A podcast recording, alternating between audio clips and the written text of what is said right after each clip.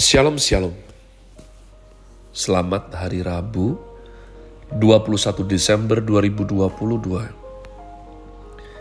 Saya Pendeta Kaleb Hofer Bintor dalam anugerahnya Penuh sukacita sampaikan pesan Tuhan melalui Grace Words yakni suatu program renungan harian yang disusun dengan disiplin kami doakan dengan setia. Supaya makin dalam kita peroleh pengertian mengenai iman, pengharapan, serta kasih yang terkandung dalam Kristus Yesus sungguh besar.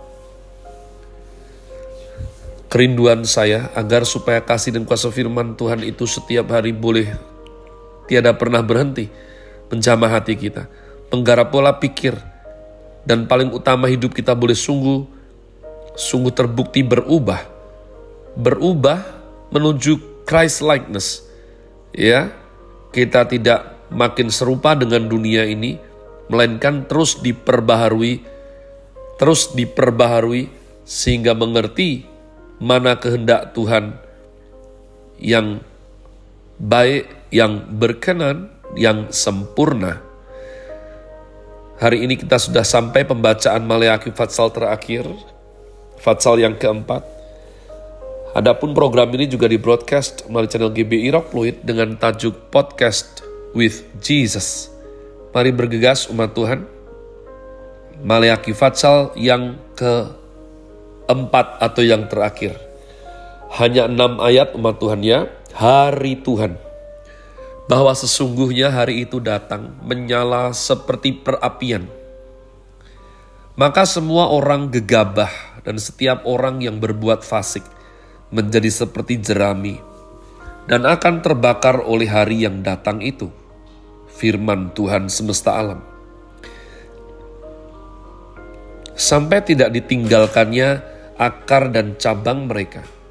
Tetapi kamu yang takut akan namaku, bagimu akan terbit surya kebenaran dengan kesembuhan pada sayapnya. Kamu akan keluar dan berjingkrak-jingkrak seperti anak lembu lepas kandang. Kamu akan menginjak-injak orang-orang fasik sebab mereka akan menjadi abu di bawah telapak kakimu.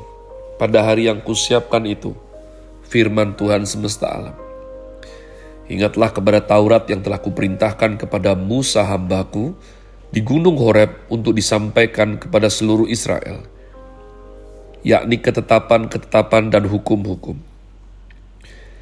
Sesungguhnya aku akan mengutus Nabi Elia kepadamu menjelang datangnya hari Tuhan yang besar dan dahsyat itu maka ia akan membuat hati bapak-bapak berbalik kepada anak-anaknya, dan hati anak-anak kepada bapak-bapaknya, supaya jangan aku datang memukul bumi sehingga musnah. Umat Tuhan, enam ayat, maka kita mempunyai cukup banyak waktu dalam tempo yang begitu singkat karena durasi Grace Words ini rata-rata 12 menit. Apa yang terjadi pada hari itu ya dibagi dua. Satu kepada orang tidak beriman, dua kepada orang yang beriman. Nah kita bahas dengan cepat untuk yang tidak beriman. Firman satu mengatakan ayat yang pertama orang yang tidak beriman disebut sebagai gegabah dan fasik. Sesungguhnya kata gegabah ini salah terjemahan. Kata King James Versionnya adalah proud. NIV arrogant. Dua-duanya merujuk kepada sombong. Orang yang tidak beriman itu istilah lainnya sombong dan engkau harus mengerti Lucifer itu dihempaskan, dibuang dari sorga karena kesombongan. Kenapa manusia bisa disebut sombong? Lepas daripada seluruh tingkahnya memakai brand merek apa nggak pernah lihat bawah? No, bukan. Dalam kehidupan rohani, Orang disebut sombong karena merasa bisa hidup tanpa Tuhan. Nah ini, ya, merasa diri cukup baik, bisa masuk surga dengan kekuatannya sendiri, rata-rata akan berkata saya tidak perlu Tuhan Yesus ataupun ke gereja. Ya, ya, ya saya Kristen, tapi semua tuh sama ya. Yang penting saya tidak menjahati orang, yang penting saya berbuat baik. Nah, titik itu terjadi dia sombong umat Tuhan. Karena saya sering kali katakan pada waktu kita berurusan dengan segel materai rohani, maka kita membutuhkan password yang precisely.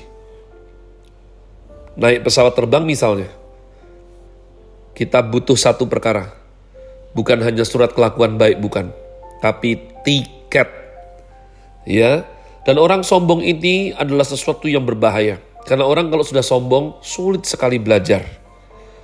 Sulit sekali sekali mendengarkan nasihat karena dia tidak butuh, dia bisa. Kata fasik adalah wickedly, berbuat dengan jahat atau pembuat kejahatan. Orang tidak beriman disebut pembuat kejahatan. Ya, ini mengingatkan kita akan Matius 7 ayat 21 sampai 23. Tuhan Yesus berkata apa? Nyahlah kamu, aku tidak mengenal siapa kamu, pembuat kejahatan. Ya. Jadi inilah kategori orang yang tidak beriman, yang sombong. Nah, untuk orang yang beriman, ayat yang kedua disebutkan kepada kamu yang takut akan namaku Artinya, mereka punya roh yang takut akan Tuhan, hormat sama Tuhan. Mereka sungguh-sungguh dengar-dengaran. Masih bisa jatuh, tidak jatuh, masih bisa. Tapi mereka takut akan Tuhan. Ya, mereka cinta dan tunduk kepada firman Tuhan. Mereka mau dengar-dengaran dan belajar. Ayat 2 mengatakan bahwa untuk orang-orang seperti itu akan terbit surya kebenaran dengan kesembuhan pada sayapnya. Istilah surya kebenaran jelas merujuk kepada Kristus Yesus Tuhan sendiri. Yohanes 8 ayat 12 ya. Istilah sayap berkemungkinan besar memberikan kesembuhan ya bisa dari penyakit tapi saya lebih setuju menunjuk kepada damai sejahtera, kepada shalom. Makanya saya sering kali katakan adalah kedaulatan Tuhan. Kalau seseorang itu sakit, maka ada dua jenis kesembuhan. Yang pertama, beroleh pertolongan Tuhan dan betul-betul sembuh dari penyakitnya. Yang kedua, ternyata dia dipanggil pulang ke rumah Bapa dan artinya dia sudah tidak perlu merasakan sakit penyakit lagi sebab sudah aman bersama Tuhan. Nah, ayat 2 menarik dilanjutkan dengan perkataan kamu akan keluar berjingkrak-jingkrak seperti anak lembu lepas kandang. Ya, maka umat Tuhan, ya saya dulu adalah orang yang suka melihat manifestasi. Tapi Sampai sekarang saya tidak mau menghakimi, cuman kita harus lebih jeli dan teliti. Ya. Karena orang-orang yang suka heboh pada waktu lawatan dan didoakan mengatasnamakan Roh Kudus, sayang sekali kehidupannya belum tentu berubah dan berbuah bagi kemuliaan Bapa. Jadi saya rasa berjingkrak-jingkrak seperti anak lembu lepas kandang ini adalah suatu sukacita yang besar sekali. Yang mungkin dalam hidup saya adalah ketika saya melihat anak saya lahir mungkin atau saya mengalami momen yang kuat dengan istri saya atau anak rohani yang sudah terhilang pulang kembali atau saya melihat pertolongan Tuhan sebab sudah kepepet sekali lalu tiba-tiba Tuhan tolong. Ya, untuk boleh dicukupkan semuanya. Rasanya senang sekali. Jadi umat Tuhan, saya dorong orang benar, orang takut akan Tuhan, itu dijanjikan kesembuhan, damai sejahtera, shalom ya, dan sukacita yang besar. Jadi ikut Tuhan itu mengenai materi itu sangat sangat sangat jarang dibahas. Jadi kalau ada yang mentafsirkan selalu berkat itu uang, kekayaan, itu aduh saya susah sekali. Itu pasti orang tidak belajar sungguh-sungguh. Tapi yang Tuhan janjikan adalah kalau kita mengikuti Tuhan dengan betul, dalam segala situasi dan kondisi, maka akan ada sukacita yang besar buat Tuhan. Dan bukankah itu yang membuat kita sehat? karena hati yang gembira adalah obat yang paling manjur. Nah, umat Tuhan, ayat selanjutnya mengatakan bahwa akan dikirim Elia. Ya, saya rasa ini merujuk kepada Yohanes Pembaptis. Nah, Yohanes Pembaptis disebut Elia. Saya rasa satu, mereka ini mirip dalam hal pakaian ya, fashionnya mirip eksentrik. Bandingkan dua Raja-Raja satu ayat 8 dengan Matius 3 ayat yang keempat. Dua orang ini juga mirip dalam hal semangat dan keberanian. Dua-duanya menegur seorang raja. Ini saya rasa sesuatu yang luar biasa.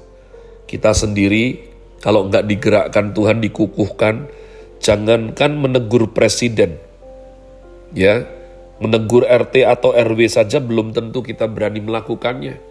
Yang saya paling jengkel itu menegur teman atau sahabat itu kenapa kalau saya nggak ditegur udah jelas salah.